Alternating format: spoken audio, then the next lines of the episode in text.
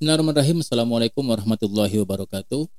Alhamdulillah kita bertemu dalam forum Politin Kafa yang uh, insya Allah pada kesempatan hari ini uh, mengangkat tema yakni jangan hanya wakaf, ambil semua hukum syariah.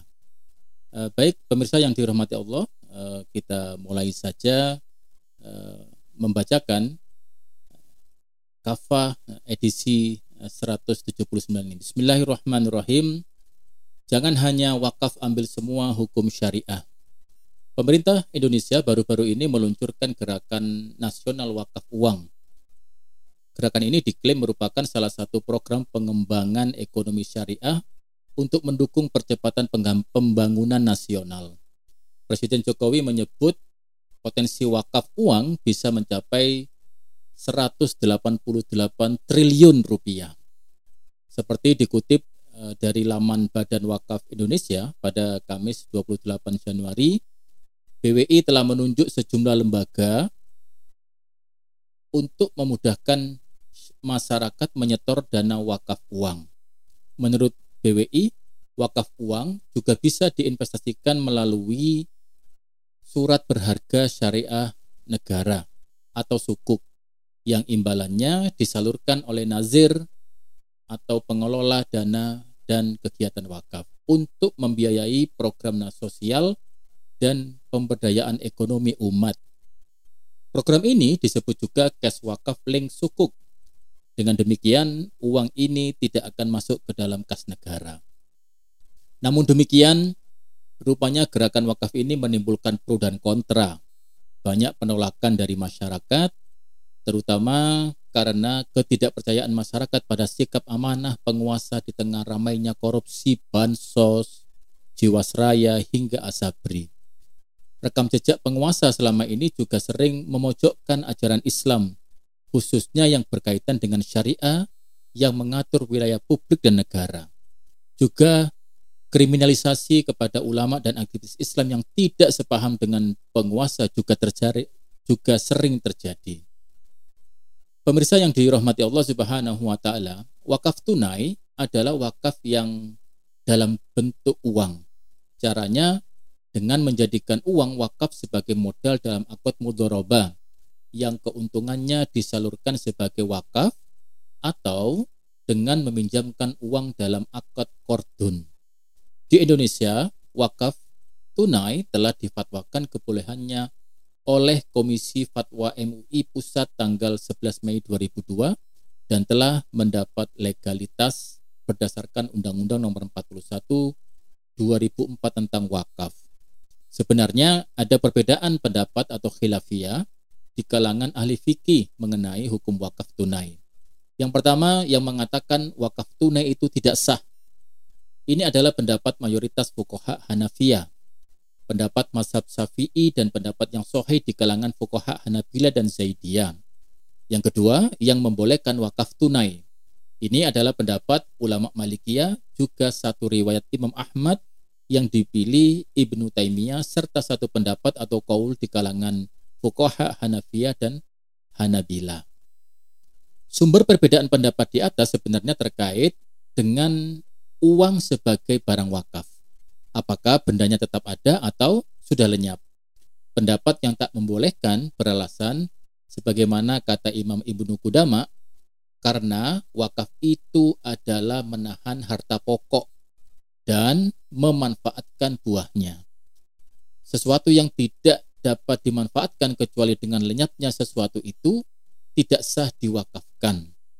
Adapun pendapat yang membolehkan mengatakan uang yang diwakafkan sebenarnya tidak lenyap karena disediakan penggantinya atau badal yaitu uang yang senilai. Pemirsa yang dirahmati Allah Subhanahu wa taala, hingga saat ini kesan bahwa pemerintah ramah terhadap sebagian hukum Islam dan mewaspadai hukum Islam yang lain makin terasa kuat. Pemerintah cenderung menerima syariat Islam yang bersifat pribadi dan keluarga, juga yang memiliki nilai finansial tertentu, misalkan zakat, haji ataupun wakaf. Sebaliknya, pemerintah tidak mau menerima atau cenderung memusuhi syariat Islam lainnya, seperti penerapan syariat Islam dalam bidang sosial, politik, hukum, dan pemerintahan. Bahkan, mereka yang berkomitmen dalam dakwah Islam dan menyerukan syariah secara kafah dianggap intoleran dan radikal. Padahal Islam adalah din yang sempurna. Menerapkan syariat Islam secara menyeluruh akan membawa kebaikan karena Islam adalah solusi atas setiap persoalan yang ada. Sebagaimana firman Allah Subhanahu wa taala a'udzu billahi minasyaitonir rajim wa nazzalna 'alaikal kitab tibyanan likulli syai' wa huda wa rahmatan wa busra lil muslimin kami telah menurunkan kitab Al-Quran kepada kamu sebagai penjelas atas segala sesuatu, juga sebagai petunjuk, rahmat, dan kabar gembira bagi kaum muslimin. Abdullah ibnu Mas'ud radhiyallahu an menjelaskan Sebagaimana dikutip oleh Al-Hafiz Ibnu Kastir dalam tafsirnya, sungguh dia Allah telah menjelaskan untuk kita semua ilmu dan semua hal. Ayat ini menegaskan bahwa Allah Subhanahu wa taala melalui Al-Qur'an telah menjelaskan semua hal, tentu termasuk hal-hal yang berkaitan dengan kehidupan bernegara dan bermasyarakat. Meninggalkan syariat meski hanya sebagian tentu akan mengakibatkan kesempitan hidup Bukti adanya defisit anggaran negara, utang negara mencapai lebih dari 6.000 triliun. Kekayaan milik publik dikuasai oleh korporasi, korupsi menjamur di setiap lini dan lain-lain. Itu semua bagian kecil dari merebaknya kesempitan dan sirnahnya keberkahan hidup akibat negara tidak dikelola berdasarkan syariat Islam. Allah Subhanahu wa taala berfirman, Wa man a'rada an dzikri fa inna lahu ma'isyatan dongka wa nahsuruhu yaumal qiyamati a'ma. Siapa saja yang berpaling dari peringatanku, bagi dia penghidupan yang sempit dan kami akan mengumpulkan dirinya pada hari kiamat dalam keadaan buta. Pemirsa yang dirahmati Allah Subhanahu wa taala, kita semua tentu tidak boleh meniru kemunafikan Bani Israel. Mereka biasa memilih mana hukum yang akan diambil sesuai dengan seleranya. Pola prasmanan dalam beragama seperti ini tidak bisa diterima di dalam Islam. Allah Subhanahu wa taala berfirman, "Afatu'minuna bi ba'dil kitab wa takfuruna bi ba'din?" Fama jazaa'u may yaf'alu dzalika minkum illa khizyun fil hayatid dunya wa yaumal qiyamati yuradduna ila asyaddil adzab. Apakah kalian mengimani sebagian Alkitab atau Taurat dalam mengingkar dan mengingkari sebagian yang lain? Tiada balasan bagi orang yang berbuat demikian di antara kalian melainkan kenistaan dalam kehidupan dunia dan pada hari kiamat mereka dikembalikan pada siksa yang sangat berat. Di antara ciri orang munafik adalah menempuh berbagai upaya untuk menghancurkan narasi penegakan syariat dan hukum Allah Azza wa Jalla demi menjaga eksistensi hukum buatan manusia. Demikian sebagaimana dinyatakan dalam Al-Qur'an surah An-Nisa ayat 61 agar kita tidak tergolong ke dalam barisan kaum munafik mau tidak mau kita wajib mengamalkan seluruh syariat Islam.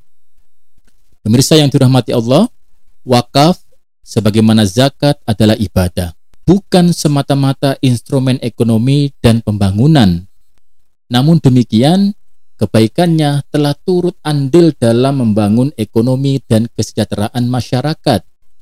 Apalagi dalam sistem yang baik seperti di era kekhilafahan dulu dan dikelola oleh orang-orang yang amanah, wakaf telah memberikan sumbangan luar biasa pada pembangunan peradaban manusia.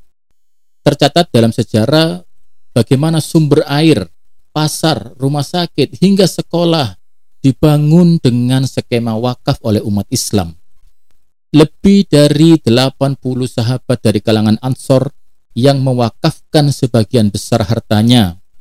Harta wakaf mereka masih ada hingga sekarang. Tradisi berwakaf ini terus dipelihara oleh setiap generasi muslim pasca sahabat dan era setelah mereka sepanjang sejarah kekhilafahan Islam. Dalam satu wakaf terbesar dan terkenal, khususnya di bidang pendidikan adalah Pusat Pendidikan Islam sekaligus Universitas Al-Azhar di Mesir. Lembaga yang didirikan pada tahun 970 Masehi itu telah memberikan pendidikan gratis kepada pelajar dan mahasiswa dari seluruh penjuru dunia, mulai dari jenjang pendidikan dasar hingga pendidikan tinggi. Universitas ini eksis hingga sekarang dan telah melahirkan ribuan bahkan ratusan ribu ulama terkemuka di seluruh dunia hingga saat ini. Pemirsa yang dirahmati Allah Subhanahu wa taala, pada akhirnya kita harus meyakini bahwa bukan hanya wakaf dan zakat, syariat Islam seluruhnya adalah sebagai solusi. Bukan hanya atas masalah ekonomi, tetapi juga atas seluruh problematika kehidupan manusia. Dari kasus wakaf ini, kita seharusnya belajar tentang ketaatan total kepada Allah Subhanahu wa taala dan rasulnya dengan mengamalkan semua syariatnya. Hal ini juga seharusnya menyadarkan kita akan urgensi adanya sistem yang bisa menerapkan syariat secara kafah. Itulah khilafah. Alamin haji nubuah sebagaimana yang diisyaratkan oleh baginda Rasulullah Shallallahu alaihi wasallam. Pemirsa yang dirahmati Allah Subhanahu wa taala, dan hikmah pada episode kali ini adalah sebagaimana dikatakan oleh Umar bin Al-Khattab, kami adalah kaum yang Allah muliakan dengan Islam. Karena itu kami tak akan pernah mencari kemuliaan dengan selain Islam.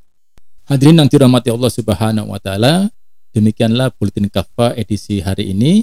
Semoga semakin menambah uh, keimanan kita, semakin menambah keyakinan kita bahwasanya Islamlah satu-satunya solusi yang mampu menyelesaikan persoalan persoalan umat hari ini. Billahi taufik wal hidayah. Assalamualaikum warahmatullahi wabarakatuh.